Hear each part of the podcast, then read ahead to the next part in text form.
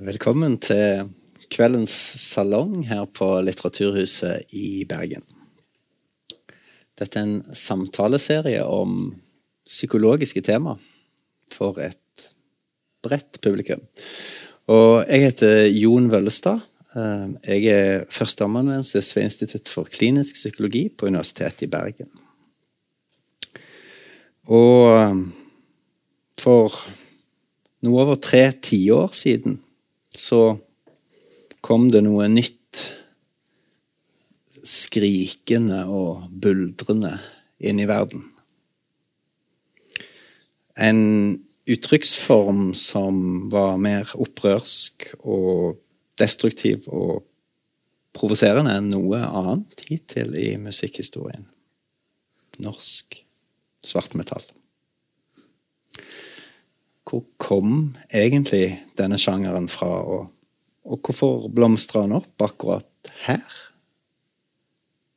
Hva slags livsholdning og verdensbilde var det som kom til uttrykk i svartmetallen? Og hva er det som gjør at det fortsatt er en levende musikkform eh, med appell til mennesker over hele kloden? Det skal vi prøve å finne ut av her i salongen i, i kveld. Vi skal legge svartmetallen på vår eh, forestilte divan. Og prøve å finne ut hva det er den snakker til i kulturen vår, og, og kanskje i, i, i, psykologien vår. Og, og, med meg da til å belyse dette musikalske og, og, og kulturelle eh, monsteret har jeg Helge Kåsin. Helge er utdanna filosof og jobber i det daglige som eh, seksjonsleder eh, for design og brukeropplevelser i NRK.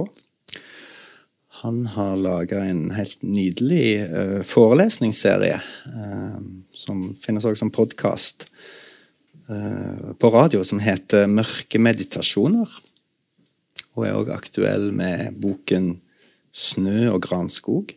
Språk, ideologi og nasjonalromantisk raseri i norsk svartmetall, som vi forhåpentligvis skal få utforske nærmere sammen her i kveld. Så hjertelig velkommen til deg, Helge.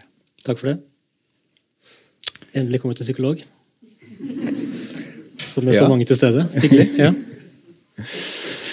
Du er eh, her hos psykolog, og men den vi kanskje skal se nærmere på, er det som du i boken din kaller svartmetallkarakteren. Og denne sjangeren her, så for å finne et sted å, å begynne her, kan du ta oss med tilbake til skal vi si, starten, til tidlige 90-tallet, med tanke på denne musikken. Altså, hvor, hvor kom det vi kaller norsk svartmetall fra? Ja, altså Det har mange kilder. Eh, jeg skriver jo ikke så mye om musikken. Den var veldig sentral, tro det eller ei, i svartmetallen. Eh, for det var definitivt en, en musikalsk bevegelse. Eh, men den var jo opprørsk mot alt. Også den musikken den grodde ut av. Death metal, metal generelt. Så det var klart det var I stor grad musikalsk sett så var det et opprør mot kommersialiseringen av, av musikken. Death metallen tatt ut av, eh, ut av undergrunnen og inn i, i de voksnes verden. Da. Dette var jo eh, altså Metallen har alltid vært et ungdomsopprør, sånn som jeg ser på det. i hvert fall. Og når eh, de voksne syns det er kult å tjene penger på det, så er det ikke så tøft å drive med det lenger. Mm. Så selv om det het death metal og kunne for utenforstående høres heftig og intenst ut, så var det da noen som syntes at dette ble for mm, tamt? Alt som, ja, eller alt som kan, eh, kan selges, det blir jo solgt. Mm. Så da blei på en måte musikkstilen ble ikke så røff og rå. Den blei finslepet og gjort mm. til et voksent produkt. da. Mm. Så hva var det de gjorde med musikken for å få den til å bli råere? Nei, altså, et begrep som, jeg, eh, som, er veldig tydelig i denne sjangeren, er invertering. ikke sant? Det å snu ting opp ned. Og, og eh, det gjør man også musikalsk. Man uh, finner mulige måter å Ok, er det fin lyd? Nei, da tar vi stygg lyd. Er det tjukke, feite gitarer, da tar vi tynne, skrikende gitarer. Så det å gjøre og invertere alle disse, disse musikalske trekkene var noe svartmetallen uh, gjorde. da. Lage det eh, grimmere. Lage det grimmere, ja. Eh, få, få tilbake til undergrunnen. Og du, du nevnte jo svartmetallkarakteren, og det er jo en karakter jeg setter opp for å kunne, kunne forsøksvis si noe generelt om denne ganske diverse sjangeren, for så vidt. Eh, fordi at det er veldig mange aktører, ulike meninger, ulike synspunkter og undersjangere. Men, eh, men svartmetallkarakteren er et type sånn oppstilt eh, eh universalbegrep innenfor metallen. Ja. Så den skal vi se litt nærmere på. Men du har lagt eh, radioprogram om dette, du har skrevet bok om det. Jeg antar at du liker svartmetall? Kunne du sagt det? Liker et stykke gjennom salen. Ja. Nei, hva, eh, hva, hva, er det, hva er det som snakker til deg her i, i denne, eh, denne uttrykksformen, tro? altså, jeg falt jo i den svarte gryta som ganske ung, på tidlig 80-tallet. Men eh, det som appellerer meg, appellerer, appellerte til meg den gangen da, det var nok det opprørske og den intensiteten og den råheten som er i den musikkstilen. Det, alt det fandenivoldske. da. Og det, det, merker jeg at det liker jeg fortsatt. Eh, jeg er jo helt streit fyr, men, eh, men inni her. så Det er derfor jeg sitter her i dag. Så, så, men det er noe med den der, dette, dette opprøret som fascinerer meg, både som et, et objekt å studere, men også, også, at jeg kjenner fortsatt på det.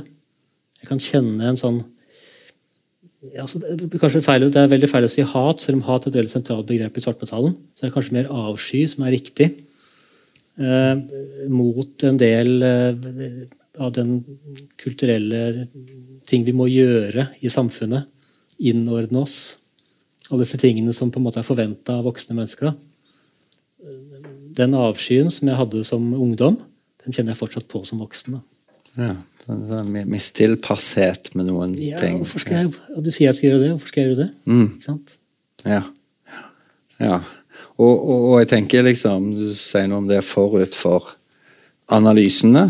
For det er jo en del analyser vi skal komme litt inn på hva dette er, tankene på det. Det er, jo, det er jo sjelden et litt sånn det er jo ikke et intellektuelt valg en tar når en finner sin sjanger. Så det er et eller annet her som ja. man har snakka til deg, og du kjente deg Oh, yes. Ja, ja. ja det, var, det, var, jo det. Og det er klart, igjen så er musikken viktig. Det er en viktig identitetsmarkør mm. når man er ung. Og, og, da jeg vokste opp i Kongsberg eh, på 70-80-tallet, så var det jo eh, Hvis du ikke skulle være SOS, så måtte du være rocker, liksom. Det var jo ikke noe, så mange ulike måter å være på. Og jeg valgte selvsagt rocken. Så da hadde jeg ikke råd til sossegreier. Så det, rock.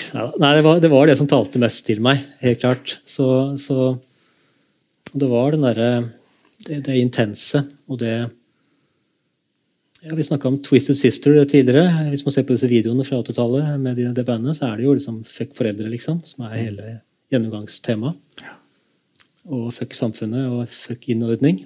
Og det er jo det som eh, fascinerte meg på den tida der. Ja. Og fortsatt fascinerer meg, men nå mer som et studieobjekt. Mm. Ja, ja. For opprøret skrudd opp til 11, for å ja. bruke en, en rocke-metafor eh, si, mm. her.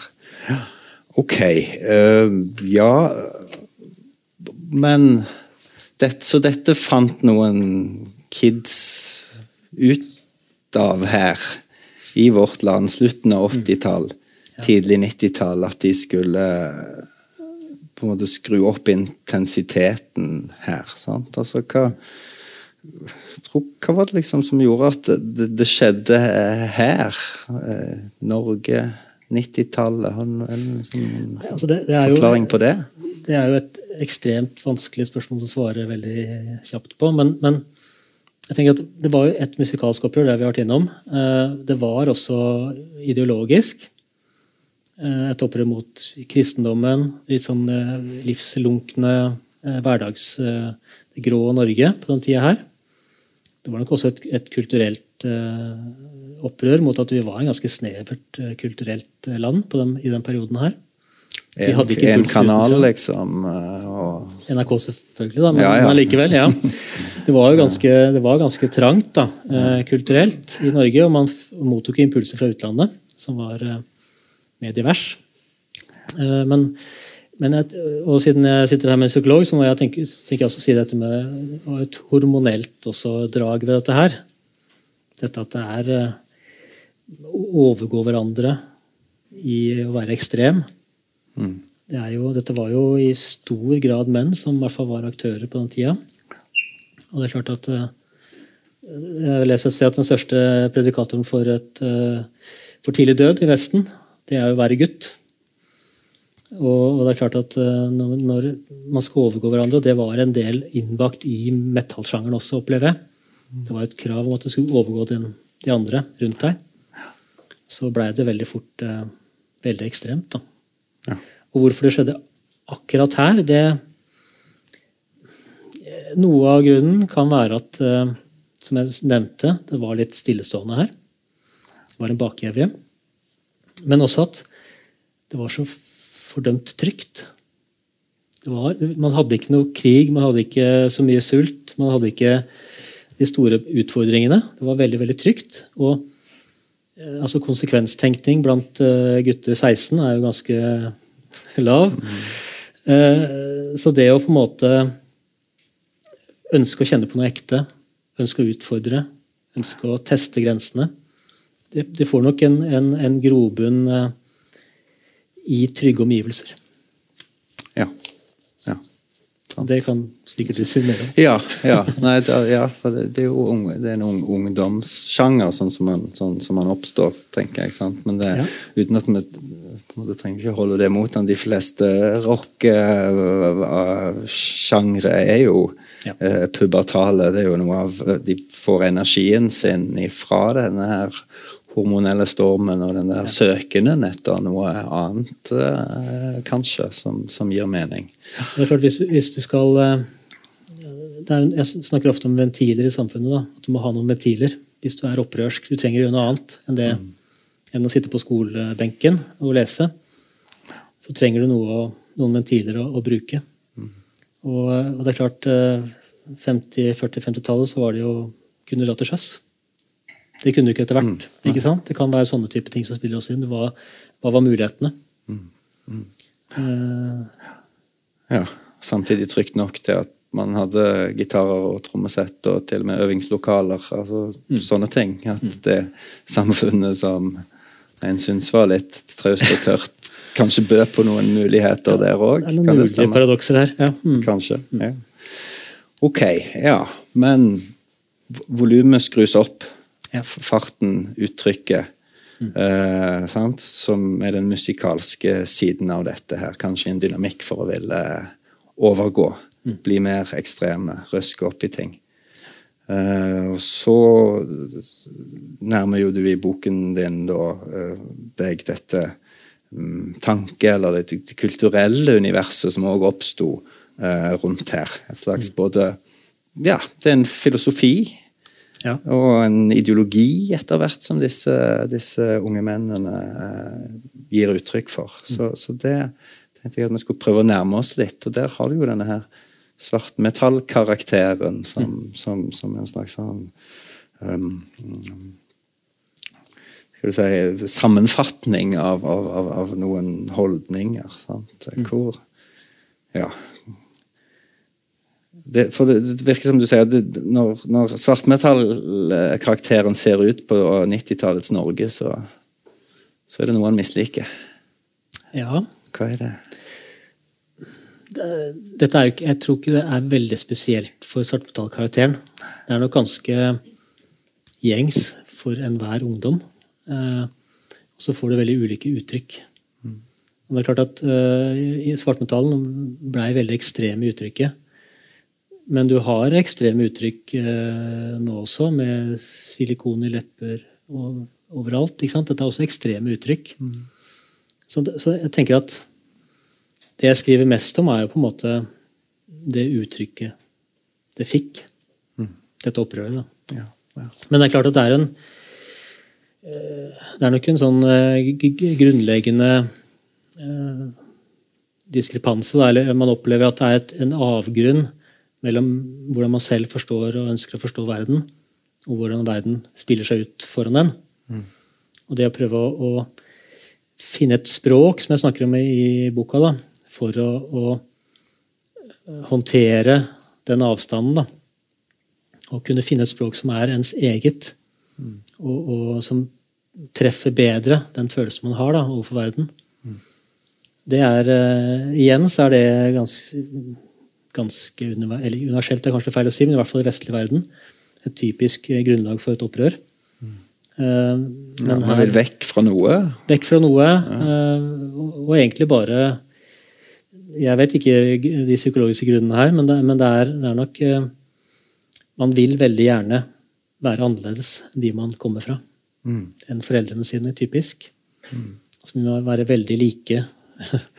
vi må være veldig eh, unik, men være kjempelik de man henger sammen med. Finne noe ektere. Altså det som rundt deg kjennes litt sånn fake eller Ja. eh, dvaskt eller uh, livshemma Ja. på, på en måte òg. Ja, for, for det er klart at man, man får jo kanskje ikke utløp for disse kreftene som bryter igjen, da, som, som særlig ung. Eh, og dette med, å, dette med å kjenne på at, eh, at man må innordne seg eh, på et punkt i livet hvor man absolutt ikke, kjenner for å innordne seg, det, det får noen, eh, får noen uttrykk, da. Mm. Ja, rock, rocken er, altså, det er jo veldig individualistisk. Ja. Det, er var det sånn i svartmetallen? I ekstrem grad, vil jeg si. Det var jo dyrkingen av ikke bare individet, men også det, det er på en måte det unike lederindividet. Man skulle finne sine egne verdi, verdisett. Dette var jo det nitsjianske ved, ved, ved svartmetallen. Man skulle være et overmenneske. altså Man skulle, man skulle ut av dalen hvor eh, flokken var, og opp i høyden og skue utover landskapet. Og eh, og tenke at eh, disse sauene som går der nede, de, de får nå bare gjøre det. Men det er mye kulere her oppe, Mm. i høyden. På viddene. På viddene, eh, med utsyn, ja. Mm. Ja. Sant. Som er Så det tas òg langt. Individualismen mer ekstrem, da. men- Ja, veldig. Og det er klart at det er jo, det er jo eh, denne slavemoralen da, som Nietzsche snakker om, er jo den eh, han også eh, setter som merkelapp på kristendommen. Og eh, Svartmetallkarakteren ønsker ikke å være slave. Han skal være herre. Og sånn sett så er, tenker jeg også på, på Satan da, som et uttrykk for den rebellen og opprøreren som eh, kaster seg ut av uh, himmelriket og faller ned til jorden, da, og litt lenger ned. eh, og, eh, og er utbryteren, da. Den falne engelen. For det er liksom, det, man plasserer seg over på en eller annen måte, men Ja. Omfavne noe som ikke alle andre eh, rockesjangre eller populærkultursjangre gjør. da, altså den eh, aggresjonen eller det, Ja. det vonde på et vis. Ja, det er klart Hva er plassen til det i dette bildet? Hvis, hvis du ser på eh, Black Sabbath, for eksempel, så er jo de De, eh, de, de synger jo om, om Satan og sånn, men, men det er på en måte som en, som en trussel. Eh, mens eh, svartmetallen virker som å omfavne denne trusselen. da. Okay. Dette, dette fryktelige andre eh, som, som Black Sabbath og lignende på en måte setter opp og, og spiller ut. Ja, de var Men redde ikke for omfavner. Men de var redde for de mørke Ja. kreftene. Ja. De følger på en måte den, den kristne teologien i det. ikke sant? Mens igjen så, så inverterer svartmetallen dette her, da. Og omfavner det onde. Og, eh, og sånn sett så er også denne inverteringen spiller seg også ut i at eh, den, den syke i samfunnet, den fornedrede, den utenforstående, den med et eller annet som er noe galt, den fremstår i Svartbetalen som den, den ekte, den sunne, den friske. Så det er uh, igjen da en invertering av på en måte hvordan man oppfattes. Mm. Men, uh, mm. The upside down. The upside down, ja. ja. Ok, ja. Men de fleste opprørske bevegelser har noe de vil.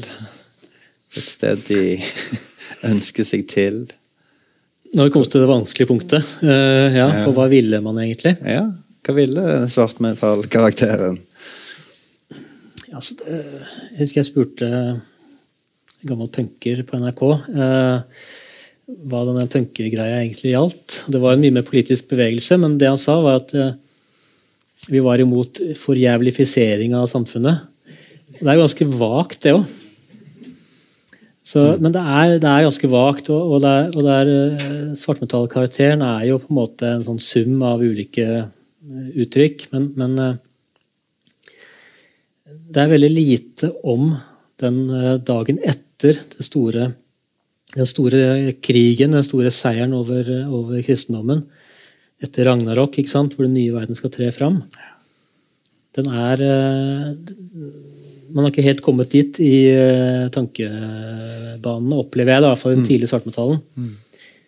Det er jo ikke like gøy å synge om eh, liksom barn som løper i gresset, og høner som kakler på bondegården i framtida. Nei, sånn Jehovas vitner på ja, det liksom, sånn, hvordan ja. det skal være i den nye tid? Nei, det, man kom aldri helt dit, opplever jeg. Så det var mer å få uttrykke opprøret og, og dyrke ondskapen da, i, i, veien til ny, et mm. nytt verdisett. da. Mm. Så, så er, på en måte så er det nok eh, Jeg skriver også det at det er en veldig lite politisk bevegelse. Det er jo ingen som For først satt, satt ikke Det var jo noen i, i helvetekjelleren, selvfølgelig. Det var jo ikke et allmøte i Svartmetallforeningen som bestemte seg for at vi skal gå den veien her. Det var jo, det var jo eh, det var nok mest et personlig opprør som fikk, eh, fikk Som på en måte blei større. Mm. Og at det i stor grad var et Og det passer godt med, med denne, dette fokuset på jeget ikke sant, i svartmetallen, hvor du ønsker å finne ut av ting sjøl. Mm. Og heve det over eh, slavemoralen finne et nytt verdisett som er ditt eget. Og det er En del av det å være et, et overmenneske er jo å finne sin egen vei. ikke sant? Og da, mm. Det gjør det jo ikke sammen med andre. Nei. Men så virker det jo som de kobler seg på noen kulturelle ressurser eller historiske ressurser samtidig her, da, i, i å liksom sette sammen dette verdensbildet. Ja, og det, det syns jeg også er veldig interessant. Da, for, det, for det, dette med å gå tilbake i tid for å eh, på en måte eh, bekrefte sitt eget eh, opprør, mm. Det, er, det, er, veldig vanlig. Altså, Fortida har jo vært, framtida veit man ikke. Så det er ikke så mye å hente der. Men det, men det å gå tilbake i, i fortida, der du vokser opp, i det landskapet du har vokst opp i, og finne på en måte begrunnelse for hvorfor du føler som du gjør. da. Det avviket du føler fra det samfunnet du er født og oppvokst i. Det er, eh, det er, ganske vanlig. Det gjøres mye i statsdannelser. Det ble gjort i Norge under unionsoppløsningene. Det, det gjøres i Russland eh, ut mot Ukraina nå. ikke sant? Man, ja, de er jo egentlig russere i Ukraina. Mm. Og dette med å på en måte eh, finne tilbake i mytologien, da, eller jo, man kaller det historien, men historien er veldig divers ofte. Man, man, finner seg en myte man kan, man kan bruke til sitt formål. Eh, og på en måte som kan begrunne den, eh, det ønsket da, om en ny, revolusjonert eh, framtid. Mm, ja. Der har vi liksom vært inne på at det er et raseri eller et misnøye. sant? Det er i, det er i kveldens tittel. Men så, så, der kanskje kommer vi til nasjonalromantikeren. Ja, og det er jo hva, hva, Hvordan skal man gripe tilbake, da? Og det er klart at Dette er jo 70-80-tallet vi snakker om her. Da disse folk har vokst opp. Eh, og for oss som vokste opp på den tida, så var det nasjonalromantiske blikket på historien veldig levende. Det var eh, Altså, vi, vi kjørte Telemark. Kunne jo ikke kjøre slalåm. Da fulgte det liksom ikke til den norske. Det var liksom Morgedal, skisportens vugge. Selv om samene gikk på ski for flere tusen år tilbake. Det var eh, Kittelsen var til stede ikke sant, i, i bøkene vi leste på skolen. Det var eh, nasjonalromantisk diktning. Wergeland var allestedsnærværende på 17. mai. Det var eh, altså, Og det var selvfølgelig i den nasjonalromantiske perioden at vi fikk Snorre. Som kom i bokform, ikke sant? som kunne leses av alle. Det var da vi fikk eh, mange av disse, disse uttrykkene da, som svartmetallen eh, vokste opp med. Og hvordan, hvordan brukes de da i, i Nei. sjangeren? For jeg tenker, er kanskje ikke det første jeg tenker på når jeg går på Rasmus Meyers samlinger her borte og, og, og ser på J.C. Dahl og disse andre sant, eh, kunstnerne der, nasjonalromantikken. Hvor, hva, hvordan finner vi igjen disse forestillingene eller bildene i, Ja, altså, i musikken eller? Ja, altså de, de finnes jo overalt. De finnes jo i, på plateomslagene. Eh, eh, men det finnes også en, en måte å Og det finnes også i tekst. ikke sant? Eh, jeg har jo forsøkt å vise at eh, det brukes Welhaven-tekster, Kittelsen-tekster. Han skrev også en del. Det står det mye om i boka. eh, At det er direkte lån, da. Mm. Fra tekster som også Og igjen tilbake til dette med å finne sitt eget språk. Ulver spesielt bruker liksom det dansk-norske eh, språket fra unionstida for å på en måte være, være gammeldagse. For å legitimere at dette er noe opprinnelig. Mens en slev de bruker det norrøne språket, ikke sant? det gammelnorske.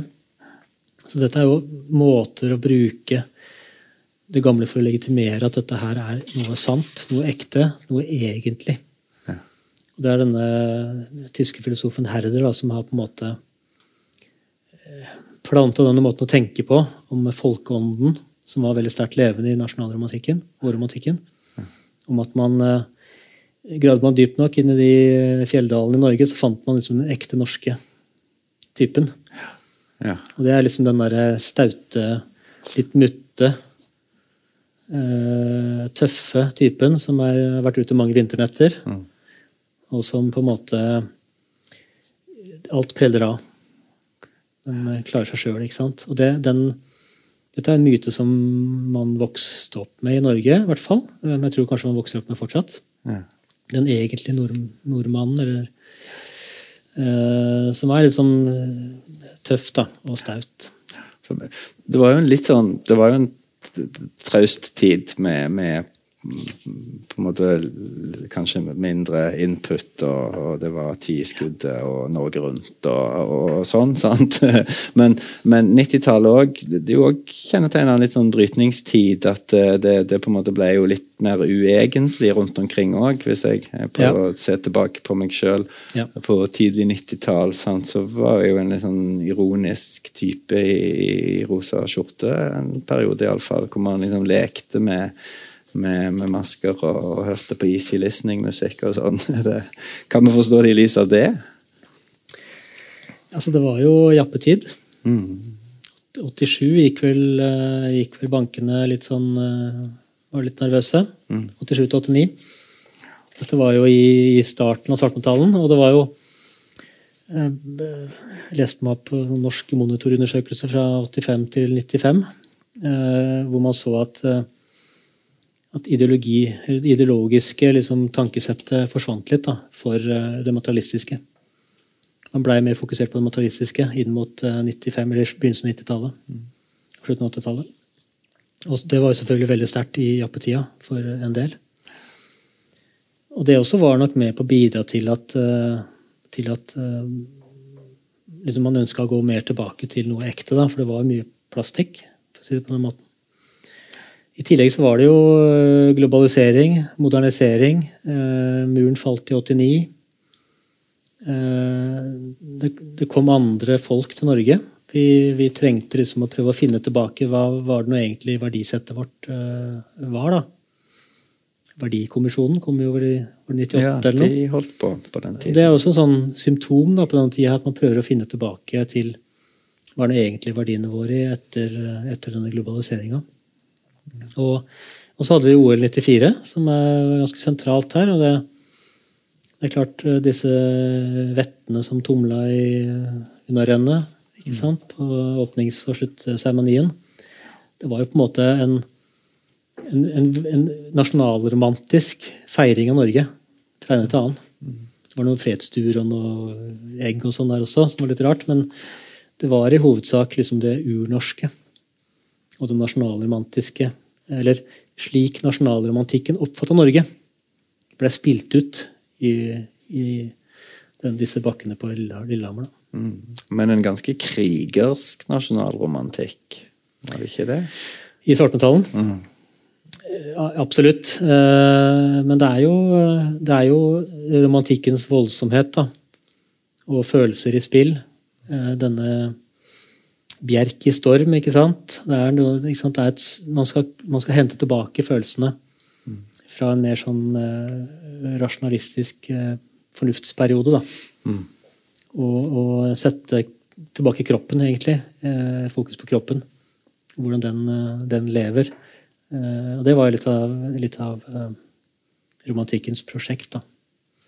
Ikke bare dyrke fornuften. Og det er veldig tydelig også i svartmetallen at det kroppslige, blodet, eh, liket, disse tingene vi, det som jeg kaller objekter da, i, i boka, det som vi skyver fra oss, igjen invertering, dette dyrker svartmetallen som noe ekte. Ja, for det er ikke den egentlig- sanselige nytelse eller den kroppslige godfølelsen som, Nei. eh, som Du skal hate, men det er også en følelse, ikke sant? Men det er en sterk følelse. Du skal eh, kjenne på smerte. Inverteringen av eh, liksom det gode liv. Så, så det er å dyrke den eh, Ja det, det, det gotiske, da. Det gotiske dukker jo opp som en, eh, en pervertering, egentlig, av nasjonalromantikken. Ja, hva, hva ligger i det gotiske? Nei, det gotiske er jo, er jo uh, eh, Tolkien, ikke sant? Eller du har uh, det å på en måte dyrke og, og se til de mørke kreftene i, i verden. Og, og la seg skremme av det. Dette gjør jo Black Sabbath gjør det, for eksempel, ikke sant? De holder dette fram for oss. Se på dette fryktelige. Eh, og masse forskjellige forfattere ikke sant? gjør dette hele tiden. og og viser oss det skumle slottet. Slottet er jo veldig mye brukt i svartmetallen. Som noe ruvende, noe monumentalt. Men også noe skremmende som skjuler noe. ikke sant? Eh, Ruinene. ruinene, ja. Eh, veldig, det kan vi også snakke en hel eh, i hvert fall en time om. Eh, hvordan ruinene på, eller på en måte tar gjør, gjør steinen om til tid. Man får et forhold. Det et, man setter tiden inn i steinen. da. Fordi at den blir en del av tiden. En stein er ikke en del av tiden, den bare er. Mens ruinen på en måte er et forfall da, i tiden. Slottsmuren. Slottsmurene. Og det, dette uendelige, dette, dette opprinnelige, som, eh, som det gotiske gjerne dyrker. da. Og også det, det, det fryktelige andre som man snakker om. Dette, dette skumle som man, eh, man har lyst til å se, se på, men, men ikke helt eh, tør. da. Og det, det, det mest ekstreme og det, den ytterste liksom, grensen er jo døden, ikke sant? Innenfor det her. Ja. ja. Personlig så har jeg en litt sånn skrekkfascinasjon. Jeg kan, kan kjenne meg igjen i det, sant? i det gotiske òg. På en måte det å ville vende blikket mot det grufulle. Ja. Men igjen så er jo det ekstra drøye her i denne sjangeren er jo nettopp at man igjen omfavner det, eller identifiserer seg med Ja. det monstrøse eller det, det, det, det, mørke på en helt spesiell måte. Mm. Ja, og da er det denne inverteringa igjen. Da. og det er klart En del jeg skriver en del om, eh, om eh, svartedauden, som på en måte Som kalles åndepesten blant, eh, i, hos svartmetallkarakteren, da, for å si det på den måten. eh, som kommer ja, 1349. Ja, postnummer 1341, så derfor er sånn, blander jeg litt. Eh, men 1349 eh, ja, eh, kom jo, eh, hvis man ser litt stort på det, eh, ganske likt med kristendommens inntreden i Norge. Og, i hvert fall unionene. Eller første unionen. Så, sånn at man, man, på en måte bruker, den, bruker svartmetallen som et sånt Nei, bruker, svartedauden som, som en måte å, å leke med det onde som kom til landet, men samtidig dyrke det, fordi man dyrker alltid inverteringene. Og, og Sånn oppstår egentlig den skandinaviske gotikken. Da, At man tar Kittelsens Svartedauden-bok fra 1900 ikke sant? og ser disse ødegårdene, som er Det er ikke noe slott i Norge, bortsett fra kongelige kongelig slott nå. men man ser tilbake til de, for dette er, en, dette er mørkt og dystert. Man kunne gå og kikke inn døra etter svartedaudens herjinger og finne likene av en hel familie. Ja, og denne kjerringa som går rundt med Festa, ikke sant? Ja. sopelim. Jeg husker at jeg ble helt vettskremt av henne som barn. Ja.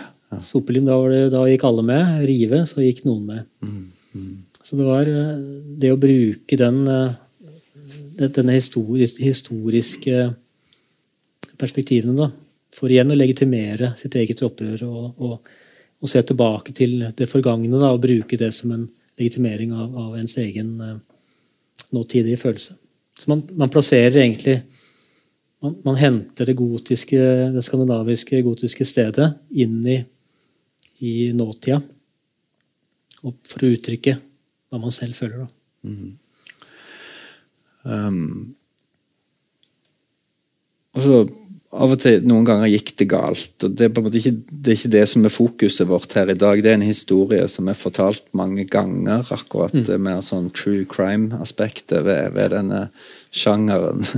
Så jeg tenkte vi skal ikke først og fremst gå der, men for liksom Hva er inntrykket ditt av hvor, hvor forplikta var disse altså, aktørene til dette verdensbildet av å faktisk omfavne det som som en sann ideologi, kontra at man hadde det som en, si, et estetisk uttrykk. Ja. Har, du, har, du noe bilde av det? Ja, jeg tror det, det, blir eh, Det var nok litt forskjellig. Men jeg tenker at uh, det er noen sånne grunnleggende ingredienser. Da skal du virkelig gjøre og være. For du, for du må være black metal. Du kan ikke bare gjøre det skal det være ekte, da. Eller true. Da er det på en måte dette med, dette med opprøret, hatet, og søken mot det mørke, da. Og på en måte hente fram de mørke kreftene igjen. Det er liksom, det er liksom basic i svartmetallen. Så hvis du ikke har det innabords, eller, eller mener det på noe vis, så, så, så, er man liksom ikke ekte. Da, men jeg kan ikke bestemme hvem som er ekte og ikke ekte. Men, mm. Men det, jeg tror det er litt sånn forskjellig hvor, hvor, dypt man gikk inn i det her. Eh, mange har jo også omfavna det kommersielle etter hvert. ikke sant? Og det er jo en, et vanskelig spill. Man vil jo gjerne bli, vil jo gjerne bli, også bli hørt. Mm. Eh, nå er vel tape trading fortsatt eh, noe man driver med, men det, er ikke like, det når ikke like mange da, som det gjør hvis du gir ut uh, skive på Spotify. Så jeg syns det er vanskelig å, å at det blir veldig individuelt. Da. Det er derfor det er lettere på en måte å sette opp en typisk eh, figur, da, som er denne svartmetallkarakteren, som, som på en måte som man allikevel kan si noe som nærmer seg eh, kjernen da, i svartmetallen rundt dette her. Mm. Men, ja, for jeg tenker sånn, Hvis man skal tenke litt sånn psykologisk ja. på det, sant, så er jo mennesket delt. Vi har ulike drivkrefter og motivsystemer. Mm. Sant? Med trenger å være individer, og vi trenger å utøve kraft og dominans i en eller annen forstand. Og på den andre siden så har vi dette behovet for å høre til eller være tilknyttet eller et, et, et fellesskap. Mm. Eh, så, eh, så kan det virke som om svartmetallen litt ensidig betoner den ene siden av dette spenningsfeltet her. Mm. Individdominans. Ja, ja og jeg tenker at uh, du er inne på noe som jeg tror er, er viktig, og som ikke er, ikke er, skrevet så mye om. Den, men, men uh, følelsen av uh, makt er viktig i svartmetallen.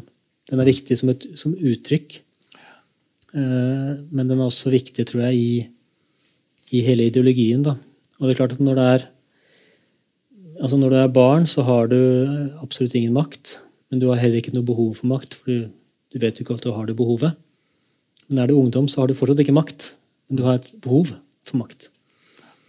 Og jeg tror at det er en del av det, det, det med opprøret. da. At du, at du, ønsker å få makt over din, ditt eget språk, egen, ditt, eget, ditt, eget symbolunivers, ditt eget liv. da. Mm. Og dette maktaspektet det, det, spiller seg ut på veldig mange ulike måter i, i svartmetallen. At du skal være, du skal være hard, ikke sant. Du, det var jo ikke lov å klappe på konsert. Du skulle stå mm. sånn. Det var veldig stille i salen da når låta var ferdig.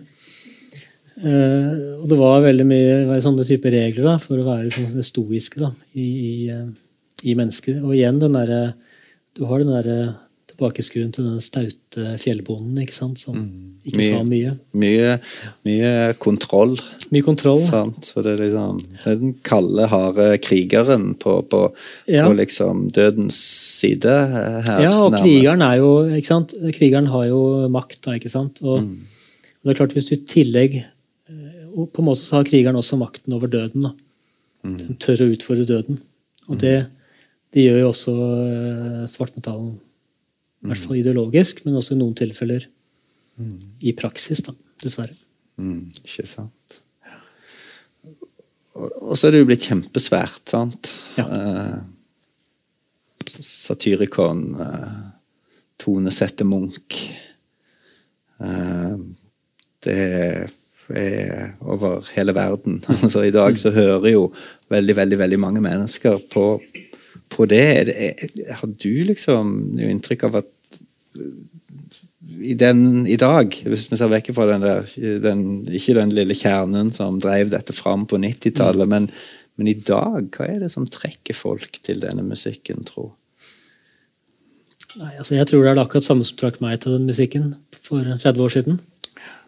Og, men, eh, og det har jo, altså Metallen har alltid vært et, eh, et fellesskap for utenforstående. Mm. På et vis. Altså på en eller annen måte utenforstående. da. Ikke at man ikke har venner, liksom, men, men, det er noe med at man har eh, man kjenner på et utenforskap. da. Og det tenker jeg Det har alltid metallen omfavna. og den har sin egen, egen rare kultur, da, som egentlig spenner seg fra heavy metal og hard rock til, til svartmetall.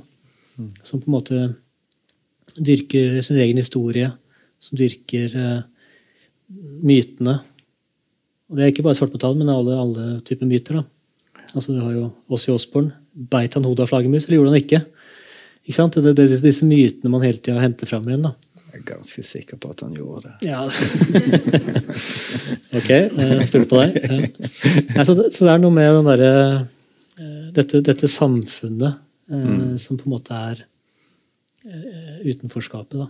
Det, ja, men at en får altså, en viktig side av det. At en får et egentlig altså, inkluderende fellesskap. Absolutt. Ja. Absolutt. Ja, så vi tenker liksom litt av For å forstå det òg, for ungdom da, nå. Ja. Eller eh, ikke bare ungdom, voksne òg. At en kan, kan, finne seg til rette der og bli, bli, inkludert. Og Det er jo også denne skogsmetaforen som jeg bruker i boka, ikke sant? og som Svartmetallen alltid har brukt. Eh, dette med at skogen er speilbildet, eller invertering av samfunnet. ikke sant? Og, mm. og, og at man finner sitt hjem da, i, i, i dette, dette, stedet hvor som er fullt av ondskap, egentlig, og, og villskap og annerledeshet. da. Mm fred, de fredløse, ikke sant? de var der. Det er det absolutt utenforskapet. Så. Men det er jo Vi ser på Robin Hood, så var det en hel gjeng ute i skogen der som var fredløse. Så da kan vi være sammen, da. Ja, ja. Jeg, og jeg tenker Når jeg har forsøkt å bare få et overblikk over altså, hva sier psykologiens forskning om dette her. Hva vet vi? Hvem, det, det, ble jeg litt nysgjerrig på når jeg skulle snakke med deg, Helge. Eh, det virket som liksom forskningen var litt, den var litt bekymra i utgangspunktet. altså Man hadde som utgangspunkt at dette kan være farlig. Kan være sånn En periode med moralsk panikk rundt dette her. altså Ikke alltid ubegrunna, men, men, men en var jo veldig redd for det i USA òg. Blir en uh, engstelig, deprimert og suicidal og uh, mm. ungdomskriminell av det. sant? Og så altså, De gode nyhetene der er jo at måte, det virker ikke som det er folk sine musikkpreferanser som, som avgjør hvordan det går med dem.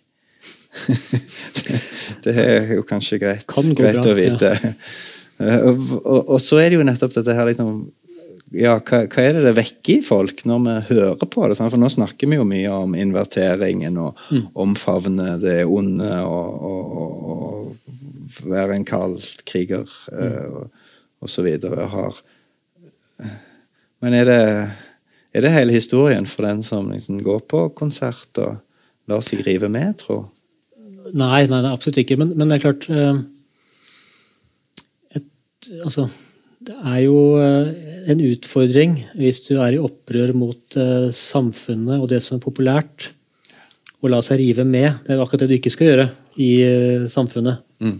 Skal jo ikke uh, synge heiarop i 17. mai-toget hvis du er i opposisjon. Så da må du finne et, et annet sted da, hvor du kan være sammen med andre som også er i opposisjon. og og, og, og, faktisk eh, klare å leve ut, da, som alle har behov for. ikke sant? Og kjenne på en tilhørighet og kjenne på at eh, blodet bruser. da. Mm -hmm. Det var jo også, også eh, paradoksalt nok ikke sant? Svartmetallens egentlige ønske var jo å kjenne på det ekte. At blodet bruser, at du kjenner på liksom, noe ekte som er farlig også. Mm. Og Da er det jo litt kjedelig å være stoisk da, hele tida. Så det, det, er ikke sant, igjen masse paradokser. men mm men jeg tror nok at det er den derre Det at du kan slippe opp, og at det gir, at det gir en At du kan slippe opp på ekte, da. Fordi at du kjenner at dette språket snakker til deg. Ja.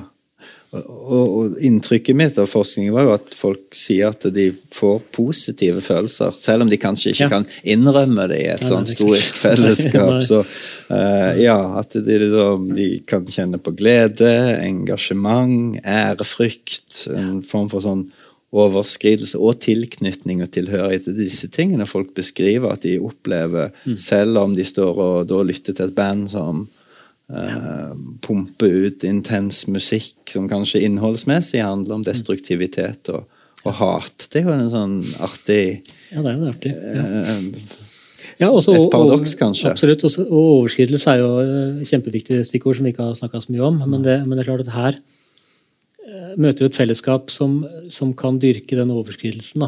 Mm. Det som er utenfor rammene av samfunnet, altså i skogen. Eh, og du kan gjøre det sammen med andre som også liker å, å dyrke den, det utenforskapet. Da, og, de, mm. og, det ekstreme. Og det er jo det er på en måte å Det er dette nattmennesket som jeg skriver i boka. Eh, som på en måte er inverteringen av dagmennesket. Eh, som eh, jeg kaller meg selv natthelge, for dette må jeg gjøre på, på nettene. Vi har jo en dayjob, ikke sant? Så. Så, så er jo sitter med to sortkledde menn, ja. det er mørkt, så snakke om dette. Ikke det passer fint.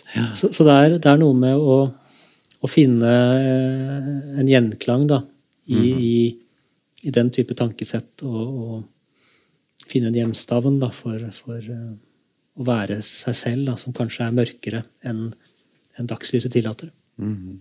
Ja.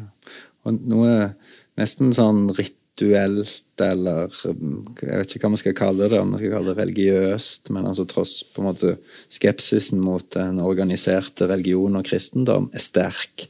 Men ja. hva tror du om det fellesskapet eller opplevelsene i musikken? Nei, det vel det, det, Jeg tenker at uh, altså det religiøse hangen hos mennesket det overskrider jo enhver religionsretning. ikke sant? Og det, det, den der med å på en måte møte det som overskrider, og det som er uh, større enn en selv, da. Mm. det, det fins vel dypt i oss. da. Ja. Så skal man oppleve det på ulike måter. Om det er uh, på toppen av et fjell i, Alpene eller, uh, eller i Jotunheimen, for den saks skyld, eller på konsert. da. Å møte noe som overvelder en. Og det kan man si noe om svartmetall, så er det ganske overveldende, i hvert fall. Ja.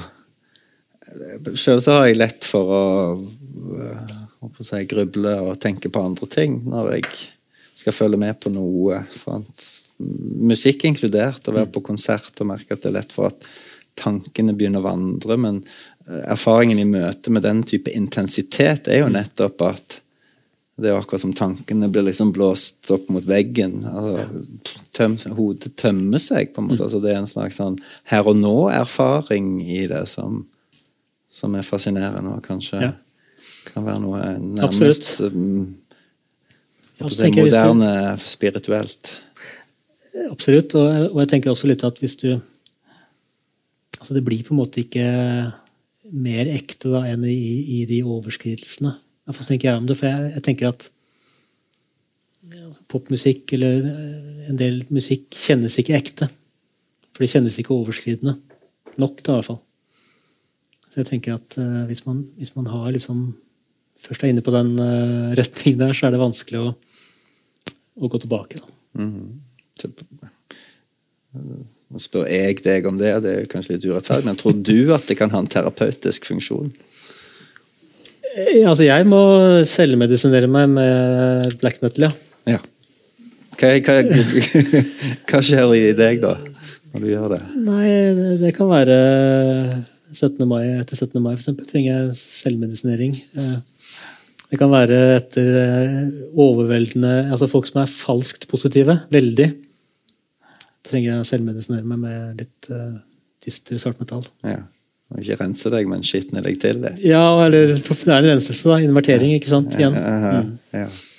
Altså, det tror jeg absolutt, og jeg tenker at uh, det, det, altså, jeg, jeg, tror at veldig mange som er veldig glad i, i mørk musikk, kjenner at de blir mer skitna til da, av, uh, av plastikk-popmusikk.